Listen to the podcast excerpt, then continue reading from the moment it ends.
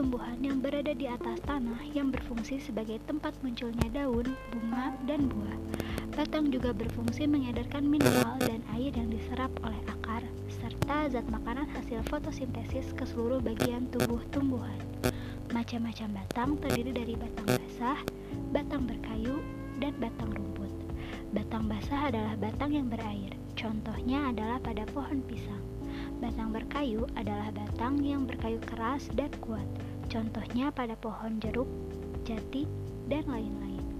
Dan batang rumput adalah batang yang tidak keras dan juga batang yang tampak berruas-ruas. Contohnya pada tanaman padi.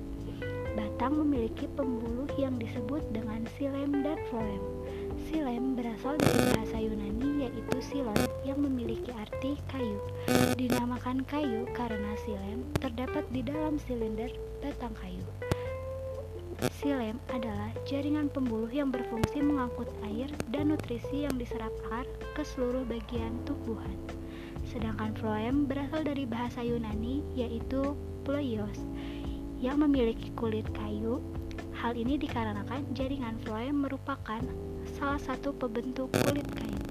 Floem adalah pembuluh yang berfungsi mengangkut zat organik hasil fotosintesis atau makanan seperti gula dari daun ke bagian seluruh tubuh tumbuhan.